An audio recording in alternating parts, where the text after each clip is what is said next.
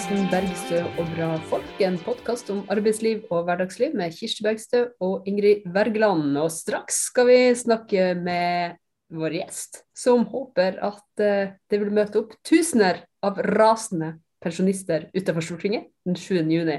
Velkommen, Jan Davidsen, leder av Pensjonistforbundet. Tusen takk for det. Du, Nå har det jo nylig vært et trygdeoppgjør. Og det er det vi skal snakke om i dag. Pensjon, trygd. Kan du starte med å fortelle oss og alle dem som hører på, trygdeoppgjør. Hva er det egentlig? Nei, trygdeoppgjøret det dreier seg om uh, reguleringen av uh, folketrygden. Og uh, frem til 2011, når den nye pensjonsreformen ble satt i gang, så hadde Pensjonistforbundet en forhandlingsrett som gikk ut på at man forhandlet eh, om eh, grunnbeløpet og hvordan det skulle, skulle utvikles. Men eh, etter 2011 så har jo pensjonsreguleringen bestått i to elementer. Nemlig anslaget til regjeringen i forhold til pris og lønn i revidert budsjett. Og så spørsmålet om hvor mye bommet vi på anslaget i fjor. Og Det er jo en veldig viktig øvelse, for det dreier seg tross alt om økonomien til en million pensjonister. Og eh, den eh, blir jo uansett i forhold til eh, lønn underregulert. Men, men like fullt så, så, er jo dette en utrolig viktig sak for oss. Sånn at mens man i lønnsforhandlingene så er det jo ja, arbeidstakerne og arbeidsgiverne som, som, diskuterer og prøver å oppnå enighet, så, så har denne reguleringen av, av pensjonen den har på en måte bare blitt en slags sånn teknisk sak? Ja, det er jo det som er en av liksom, disse her, eh, på en måte utviklingstrekkene i samfunnet vårt, hvor politikken på en måte abdiserer mer og mer. Og eh, også når det gjelder trygdeoppgjøret, at det ble gjort en ren teknisk sak hvor man eh, først beregnet eh, reguleringen ut fra lønnsutviklingen minus 0,75, til nå man skal regulere med et gjennomsnitt av pris og lønn. Og så er det litt morsomt med alle disse som sier at det er så viktig at det skjer på denne måten, for det er så forutsigbart. og det at på en måte Stortinget nå tar ansvar for dette sånn og sånn og sånn, det er den eh, beste måten å gjøre det på. Men, men, utgangspunktet for dette er jo det at det er partene i arbeidslivet, som du sier. Det er de som forhandler frem eh, lønnsreguleringen. Og eh, dermed er det jo på en måte eh, ikke bare nivåene de diskuterer, men det er også fordelingen. Og Svakheten med måten vi gjør det på i dag, med å regulere alle pensjonene med den samme prosenten, er at du, du mister hele fordelingsperspektivet. Og en som har en lav pensjon, får en lav regulering, og en som har en høy pensjon, får en høy regulering. Og Det er en av de tingene som eh, vi er opptatt av i Pensjonistforbundet å få gjort noe med. Men, men eh, når man har lønnsforhandlinger eh, mellom ansatte og ledelse, så, jo, så, kan man jo true med streik, da. Hvis man ikke får oppnå det man, man ønsker. Hvilken, altså, hva slags måte, forhandlingsmakt ville, ville pensjonistene kunne hatt? Nei, forhandlingsmakt må jo være at eh, politikerne som til syvende og sist nå skal eh, vedta eh, trygdeoppgjøret, har en på type anstendighet da, i forhold til hva nivå de legger seg på. Fordi som du sier, at vi har jo ikke noe nødvendigvis makt. Det er jo mange som snakker om at vi kunne slutte med frivillig arbeid. Pensjonister jobber for ca. 29 milliarder i året. Men sånt vil man liksom ikke gjøre. Sant? For det vet vi at det går rett utover tredjeperson som det ene. Men eh, det andre er jo at eh, bøndene har jo heller i og for seg ikke så mange maktmidler. Men de forhandler jo, finner eh, løsninger. Og så er det Stortinget til syvende og sist som må ta det overordnede ansvaret for at dette er rettferdig og riktig. Og selvfølgelig ut ifra flere hensyn enn akkurat reguleringen av pensjon, da, så er det de som avgjør dette her. Mm.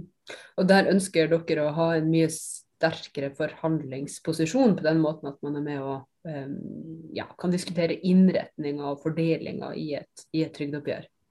Ja, Ideelt sett så har jo vi den ambisjonen å få en regulering om lag som lønnsveksten. fordi at eh, Pensjon er jo i beste fall to tredjedeler av gammel lønn. Men eh, prisene som på en måte, eller prisøkningen da, som pensjon skal dekke, den har jo ikke i seg noe verken 65-70 der.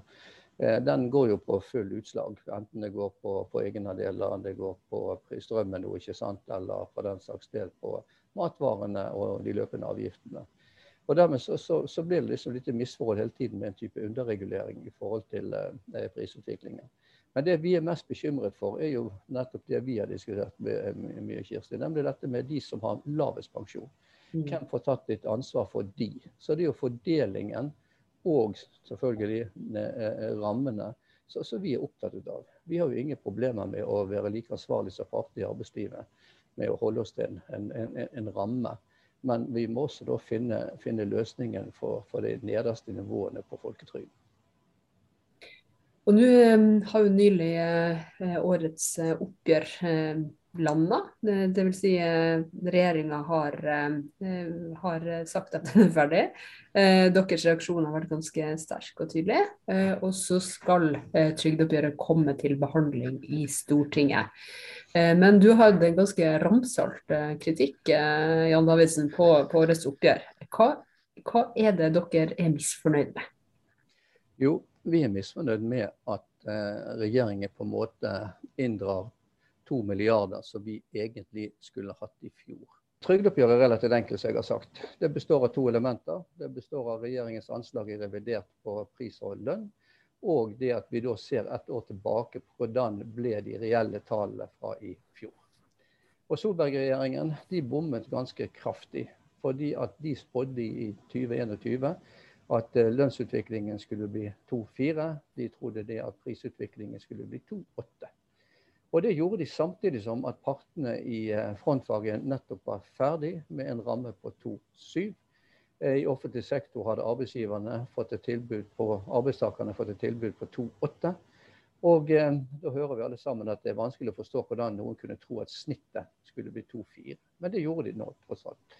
Og så så Stortinget at her kunne det bli slik at prisutviklingen var høyere enn lønnsutviklingen.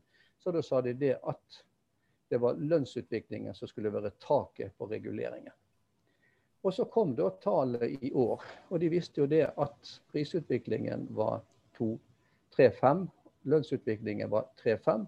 Og ut ifra den nye reguleringsmetoden med at man skulle ha et gjennomsnitt av pris og lønn, så skulle vi altså ha en regulering på 3,5% og det vil si at vi manglet 1,1 fra det som var regjeringens anslag i fjor, på 2,4. Og det utgjør ca. 2 milliarder. Men det denne regjeringen gjør, er å følge opp det byråkratiet fortalte Solberg-regjeringen at måten de skulle gjøre det på, nemlig at dette skulle de halvere. Og det sa jo eh, de partiene som var i opposisjon i fjor, jeg bør ikke minne om hvem det var, det var feil. Her skulle dette etterslepet kompenseres fullt ut. Men når vi kommer i år, så gjør den sittende regjeringen akkurat det samme som Solberg-regjeringen prøvde seg på, men ble stoppet. Så mm. vi får altså halvparten av dette etterslepet på, på 1,1 dvs. Si de betaler oss 0,55. Og det utgjør hele 2 milliarder kroner. Og det er vi sinte for, for å si det sånn. Så her ser vi på en måte to ting. da. Det ene er lave anslag, eh, som gjør at eh, Eh, summen eh, blir lavere enn eh, dere enn man, man ser nå. Og en manglende vilje til å betale for etterslepet.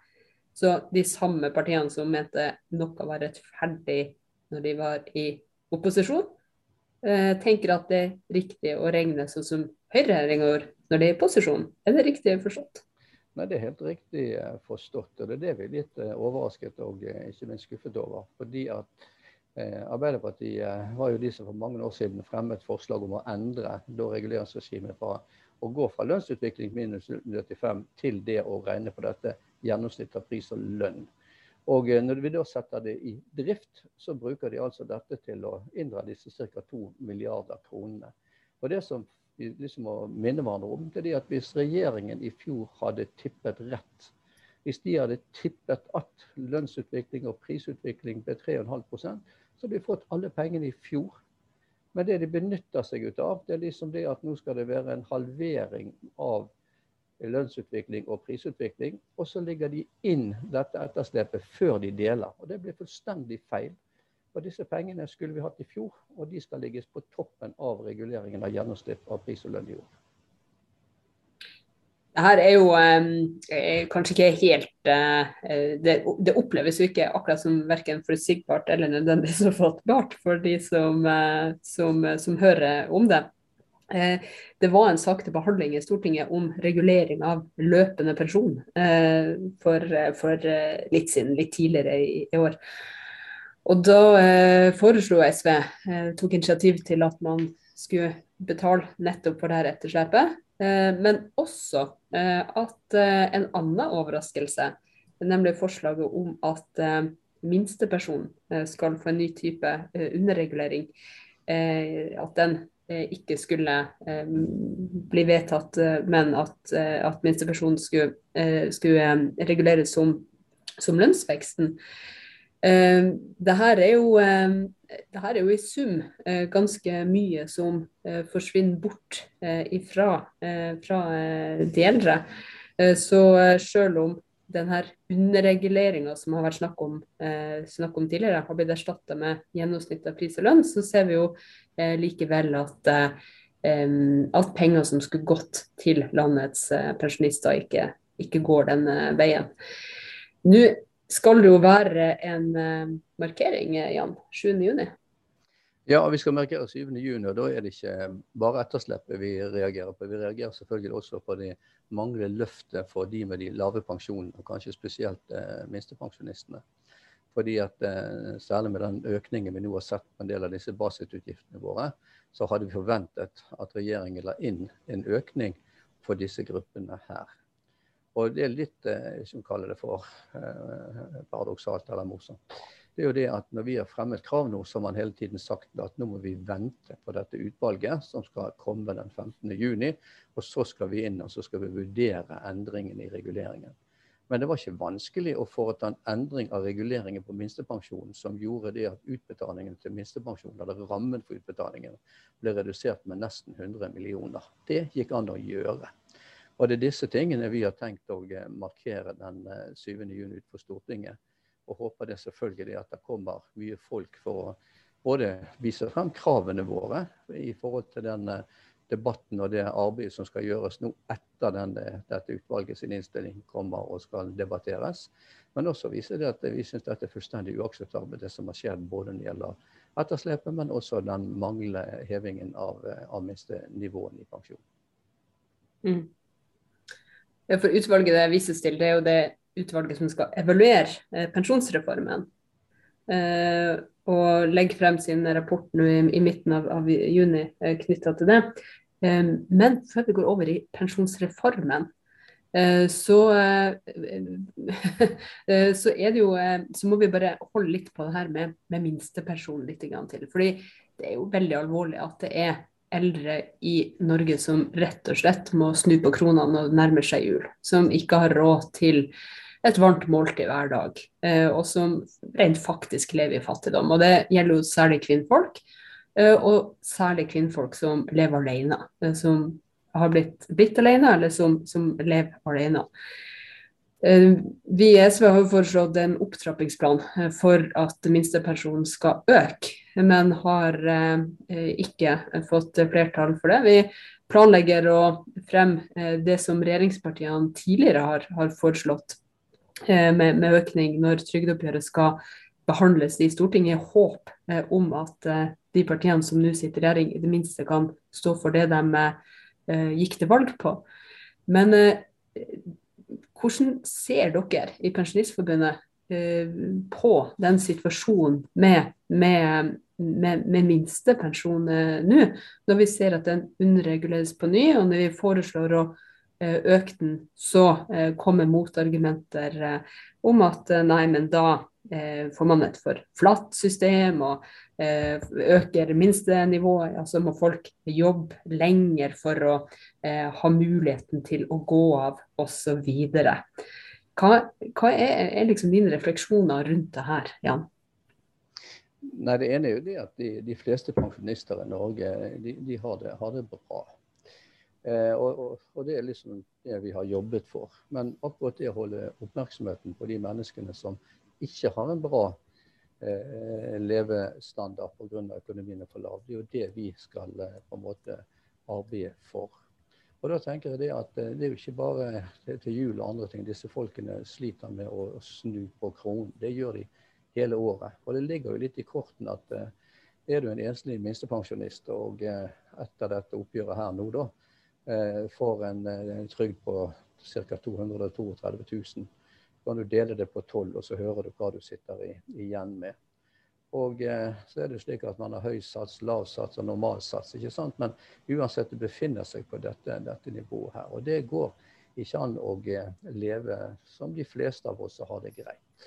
Og ofte blir det Når det gjelder pensjoner, så blir det ofte brukt dette med teknikk. At vi kan ikke gjøre det for teknikk. Og, og det viser jo bare det at viljen til å løse problemet, nemlig at disse folkene har for lav inntekt til å leve noenlunde som oss andre, det blir på overskuet av at teknikken er det så vanskelig å finne for å kunne gjøre det. Og det er jo bare tullball. Vil man noen, så finner man løsningene på det. Og Av og til får vi å høre det at eh, hvis dere øker minstepensjon, så blir det færre minstepensjonister. Jeg tror nok at de folkene som får mer penger mellom nevene til å klare de daglige utgiftene sine, ikke har problemer med å bli kalt for en minstepensjonist. Og så er det også slik at Noen ganger får vi høre det at eh, disse folkene har jo vært i arbeid. Det er også feil. Nesten 90% av alle disse som mottar minstepensjon i dag, har vært i arbeid. Men det som du sier, det er kvinner. Det er kvinner som av ulike grunner kom seint ut i arbeidslivet.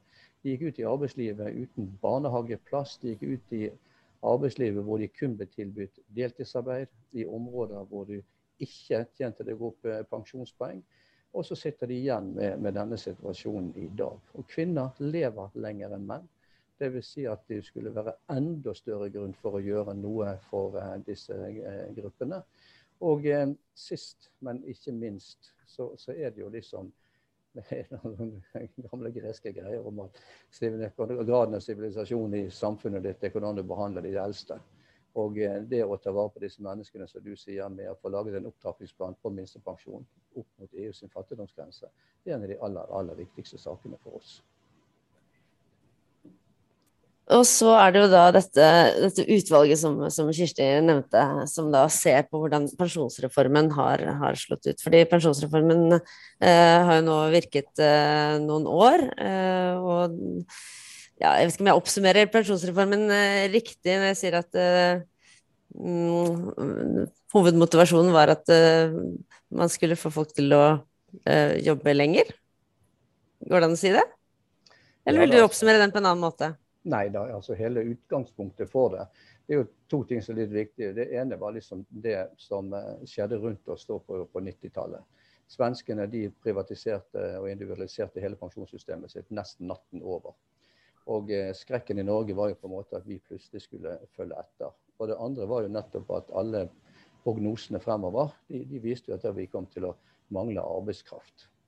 Eh, nå klarte vi heldigvis da gjennom eh, gjennom eh, arbeid da, og unngå at det samme skjedde i Norge som i, i, i Sverige. Vi har fortsatt strukturene på plass med, med folketrygden som en kollektiv ordning. Vi har AFP-en som en utrolig viktig brikke i det hele. Og vi har uh, ulike typer tjenestepensjoner. Men, uh, men uh, det har jo skjedd to ting etter den gang. Sant? Det ene var jo EØS-avtalen og utvidelsen når det gjaldt arbeidsinnvandring.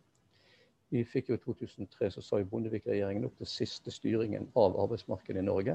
Og det har gjort at den mangel på arbeidskraft som vi trodde skulle komme på 90-tallet, den ble jo erstattet av utenlandsarbeidskraft. Eh, og, og, vi ser jo resultatet i dag av at vi har nesten 250 000 mennesker utenfor det ordinære arbeidslivet i, i, Norge. Og det andre var jo det at eh, vi gjennom, eh, gjennom eh, eh, pensjonsreformen da skulle selvfølgelig ligge til rette for at folk skulle kunne jobbe lenger. Men det var jo fra vår side i LO den gangen veldig klare forutsetninger for det. Og det er jo en del av de tingene jeg vil påstå at uh, man ikke har fulgt opp. Og som gjør at vi sitter i dag med en uh, utslag på pensjonsreformen som uh, ikke verken være sosialt eller sosialt bærekraftig. Ja, fordi nettopp det at, man, at, det skal lønne seg å stå lenge i jobb, det, jo, det høres jo kanskje teoretisk eh, fint ut, men hvis man f.eks. da er eh, gått ut av arbeidslivet som ufør, så er jo ikke det på en måte noe man kan gjøre. Da er man jo eh, ikke arbeidsfør. Da, får, da, da, kan man ikke bare jobbe noen år lenger, fordi da er man jo ute. Og da Det er jo det et, et av de liksom, hardeste utslagene, at man ser at de, de, de sakker veldig, veldig akterut med, med, med pensjonsreformen. Men, eh, men eh, hvilke andre, hvis du skal forskuttere litt hva du tror dette utvalget eh, kommer til å komme med, og hva du håper de eh, løfter fram, da? Hva, hva tenker du da, Jan? Nei, jeg, altså jeg er jo redd for at de kommer bare til å forsterke den delen som vi mener slår feil ut. Det kan man bare se på sammensetningen av eh, utvalget. det. Og så håper jeg det at Ja, hva, hva, mener du med det? Det er ikke sikkert alle har, har det persongalleriet klart for seg? Nei, nei, jeg skal ikke si jeg har hele persongalleriet klart for meg heller, men jeg vet hvem som nedsatte dette utvalget her. Og, eh, og jeg er stygt redd for at Og det var Solberg-regjeringen? Det var Solberg-regjeringen som gjorde. Og jeg er stygt redd for det at disse kommer med anbefalinger hvor hovedlinjen kommer til å være å videreføre det vi har. Og så på den måten vil vi få en forsterkning av det vi definerer som de negative tingene med det. For det som jeg understreker, det der med mangel på arbeidskraft. så det er klart at Hvis vi hadde hatt mangel på arbeidskraft i Norge, så ville jo arbeidsgiverne måttet ligge til rette for å gi arbeid til folk ut fra forutsetningene deres. Og det er klart at Alle som i dag har enten en yrkeshemning eller på annet, det ser vi jo, de faller veldig fort utenifra, utenfor, fordi at eh, man ligger ikke til rette for det. Og eh, dermed så på en måte eh, bomber vi på den ene pilaren i årsaken til at vi skulle ha denne reformen. Fordi at dette skulle da innebære en helt annen type arbeidslivspolitikk enn, eh, det vi har sett og ser hver eneste bil i dag rundt oss. Slik at det å på en måte klare i politisk debatt i etterkant nå, både sikre dette med et anstendig nivå. Jeg blir så opprørt av at jeg når jeg hører disse som står og sier at disse som kommer nå etter oss, de kommer til å få så dårlig pensjon. Ja, Det ene er jo selvfølgelig det å gjøre noe med minstenivåene. For med 250 000 utenfor det ordinære arbeidslivet, så vet vi at de folkene tjener seg ikke opp noen pensjonspoeng til å leve ut av når de blir gamle. Så deres eneste redning det blir å løfte minstenivåene som det ene. Og det andre er selvfølgelig å ta på alvor. Det å lage et arbeidsliv som gjør at folk kan stå der, være der og holde ut. Og gjerne gjøre det ved å bygge en generasjonsbro hvor eh, jeg har vært med på å lage et arbeidsliv. Det skjedde på min vakt, hvor eh, det står en trave i døren på hvert eneste arbeidsplass og skal se papirene dine før du slipper inn. Jeg var heldig den gangen jeg gikk ut i arbeidslivet, at det sto ingen i døren og skulle se papirene mine. Så jeg fikk eh, vokse, modnes, og arbeidskameratene mine ble mine lærere. ikke sant? Så jeg fikk en helt annen type mulighet enn det mange ungene våre får i dag. Og det kunne vi også ha løst med en sånn generasjonsbro-greie, hvor den manglende erfaringen, kunnskapen, innsikten de har, det kunne vi da erstattet med, eh, med de, de, eldste som kanskje da kunne stått lenger i arbeid ved å bli avlastet litt for den fysiske og psykiske belastningen. Her er du inne på noe viktig, fordi Fortellingen om at det, liksom, det skal lønne seg å stå i jobb lenge, og sånn, er jo veldig individualisert. Altså, den, den er på en måte, det er enkel, opp til den enkelte å bare holde ut. Eh, akkurat som om den enkeltes eh, livssituasjon er helt eh, avkoblet fra hvordan det faktisk er å gå på jobb. og Hvilket arbeidspress som møter en, hvilke krav og forventninger. og ja, stress og kjas og mas. Uh, det, er jo, det, er jo, forståelig at, at, eh, at, at man ikke kan ja, jakte vakter og jobbe til alle døgnets tider og være Foodora-bud eller hva, hva, det måtte være når man er liksom i slutten av eller midten av 60-åra. Uh, ja, nei, men det, det, det, det, er et godt poeng og interessant det du snakker om med, med generasjonsbro, men det, tror jeg nesten vi må det lurer jeg nesten på må bli en egen episode, for det høres ut som et, et, stort, et stort prosjekt. Um, men før vi går videre til uh, ja, så Heller enn å gå videre til det, så tror jeg liksom vi må, må, snakke litt om det som skjer også i disse dager. For nå er det jo straks LO-kongress. Uh, og der er pensjon uh, en viktig sak. vil du si litt om det, Jan? Nei, Jeg vet veldig lite om hva egentlig LO holder på med når det gjelder pensjon og disse aktuelle sakene. Men jeg vet jo bl.a. at det som går på, på levealdersjustering, er en sentral sak. fordi at eh, de forutsetningene som vi la til grunn i 2005, det var jo bl.a. at før man innførte levealdersjusteringen, så skulle man se tydelige endringer i bl.a. forskjellene på gjennomsnittlig levealder. Eh, og eh, når vi så at eh, måte, dette ble innført ikke bare med fremovervirkende kraft, men faktisk med tilbakevirkende kraft, så lå det jo i kortene at dette ville gå dårlig. For eh, arbeidslivet er veldig forskjellig, både på fysisk og fysisk belastning. Det er veldig forskjellig i forhold til eh, karriereutvikling. ikke sant? Eh, og de tingene der, de, de håper jeg at LO-kongressen klarer å finne noen gode forslag på hvordan man skal komme videre med. Mm.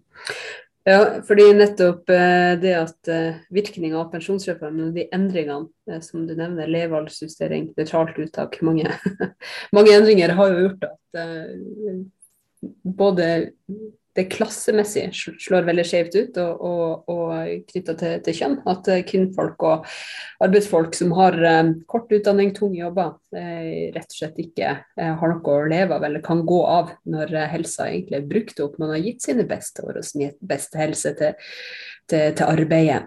Og det har jo fått flere forbund til å si at her er, som du sier, eh, kriteriene er ikke oppfylt. Og um, det ble ikke sånn som, um, sånn som, man diskuterte i sin tid, og nå er det nødvendig med helt uh, å ta noen grep, gjøre noen endringer. Vi har hørt det både fra Turid Lilleheie, tidligere leder i NTL, vi hører det fra Mette Nord, din uh, etterfølger i Fagforbundet. Uh, hvis du ikke skulle gå inn i liksom, diskusjonen på Kongressen, men tenke hva, hva ville de mest nødvendige endringene være for at man skal kunne gjøre pensjonsreformen eller pensjonssystemet ikke bare økonomisk bærekraftig, som vi hører på innpust og utpust, men, men, rett og slett sosialt, omfordelende.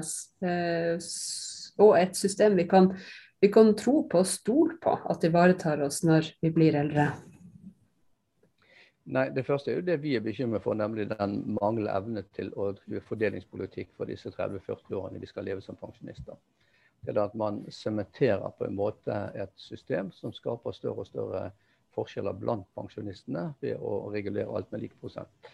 Det, det strider jo fullstendig med, med LO sin eh, tariffpolitikk, hvor eh, utgangspunktet nettopp er det som går på, på kontelegg og så eh, på en måte finne kombinasjoner av prosenter. og sånt. Det, så det er det ene som vi er litt opptatt av.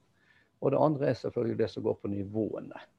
Og så er jo resten egentlig mer arbeidslivspolitikk. Om hvordan er det vi skal eh, gjennom hovedavtalen hovedavtale styrke medbestemmelsen vår. Slik at det som går på organiseringen av arbeidsplassene, eh, hva type kompetanse vi trenger, hvordan vi skal sikre alle hele stillinger, karriereutvikling, påfyll av kunnskap etter hvert som tingene endrer seg rundt oss, som noe av det viktigste for en måte å kunne ligge til rette for at alle skal kunne stå lenge i, i arbeid hvis de ønsker det. Men det viktigste må jo være at det må ikke være noen tvang. Det må jo være mulig i et av verdens eh, rikeste land. Vi har bygget opp et pensjonsfond utland på 13 000 milliarder kroner. Og eh, da burde det være rom for å tenke også sosialt. Og Ser du dette også i, måte, i et perspektiv av at vi har eh, også laget et, eh, et næringsliv hvor eh, veldig mye dreier seg om servicesektoren. Og det Servicesektorens eksistens er jo avhengig av at folk har penger mellom nevene til å bruke tjenestene. Det var et sånn grelt, greit eksempel på TV 2 en dag, hvor det var en kafé som var drevet av en, en dame nede på en jernbanestasjon i Østfold. Og Hun sa når de står i døren og har 30 kroner og lurer på skal jeg gå inn og kjøpe kaffen, eller skal jeg betale strømregningen? Så avgjør det egentlig om arbeidsplassen min skal eksistere eller ikke. Og eh, det å løfte nivåene både på eh, minstelønningene, sånn som man har gjort i noen av tariffavtalene nå, men også minstepensjonene, vil jo være med å smøre dette, med, eh, dette maskineriet. Det er jo helt elementert Kanes. Så det håper jeg at på en måte kommer til å være noe av de, de sentrale momentene, nemlig å se disse, disse litt sammenhengende. Mm. Det handler om arbeidsliv, sier du, Jan. Tidligere sa du at uh, du tok starta eh, din inntreden i, i, arbeidslivet i en litt annen tid. Det sitter du og lurer på nå. Det er jo eh, det som er faste spørsmålet til, til uh, våre podkastgjester. Hva var din aller første jobb? Jeg begynte på renholdsverket i Bergen da jeg var 18 år gammel. Jeg sier liksom det der at jeg var ikke jævla moden. Jeg var lut lei skole. Jeg liksom visste ikke hva jeg skulle gjøre, men jeg var kjønnsmoden. Så jeg ble far veldig tidlig. Og eh, jeg fikk arbeid på, på renholdsverket. Der jobbet jeg i tre år først og fast vikar. Gikk på jobben hver dag, hadde fast ansettelse med hva jeg skulle gjøre. Det varierte veldig. Så da etter tre år så fikk jeg fast, eh, fast jobb, eh, for å si det sånn. Og, eh, og, det var min inntreden. Og eh, siden så eh, har liksom gjennom eh, arbeidsliv organisasjonsliv og sånt eh, gått meg veldig bra. Helsen er bra. Så liksom har liksom ingenting å klage på, for å si det sånn. Og det er jo til tross for at du har eh, jobba som brannkonstabel. Det er jo egentlig en gruppe med ganske hard statistikk mot seg når det gjelder helse. Ja, Vi har jo avdekket det spesielt de siste årene. Da har jo Fagforbundet gjort en veldig god jobb og hatt veldig flinke advokater som går på dette her med, med kreft og, eh, og eh, som, som, yrkesskade. Nå har jeg bank i bordet, ikke vært plaget med det, da. Men jeg konstaterer jo at veldig mange av arbeidskollegene mine har blitt eh, rammet av dette. Spesielt eh, eh, både feier og, og, andre, da. Men, men, ellers er jo det arbeidet som alt annet. Man, man, blir opplært til å gjøre jobben, og så lenge man kan henge med, så, så går det greit, heldigvis. Mm. Jan, helt til slutt. Um, først, takk for at du var med oss og tok denne samtalen, viktige samtalen om pensjon. Men når skal folk som kan, møte opp utenfor Stortinget 7.6, og hva er de viktigste parolene man skal kjenne at eh, man er enig for å være med der? Vi prøver å mobilisere veldig bredt at folk kommer klokken 12 den 7. Eh, juni utenfor Stortinget. Og Parolen er jo eh, det å få tilbake dette etterslepet. Det å få gjort noe med minstepensjonene at vi får forhandlingsrett for å drive fordelingspolitikk. Og at vi i det hele tatt blir tatt med i forhold til utviklingen av et eh, bedre aldersvennlig Norge. Og jeg håper inderlig at eh, flest mulig møter opp. For det som vi ofte får høre i debatten, at dere har ingen kampmidler. Nei, men vi kan i hvert fall minne politikerne våre om hvor mange vi er, og at hver enkelt av oss har stemmerett slik at det å gå inn i politisk arbeid også frem til valgene kommer til å være en viktig del av oppfølgingen fra denne demonstrasjonen, som vi hadde også i 2019. Mm. Så da håper jeg alle sammen at vi ses der.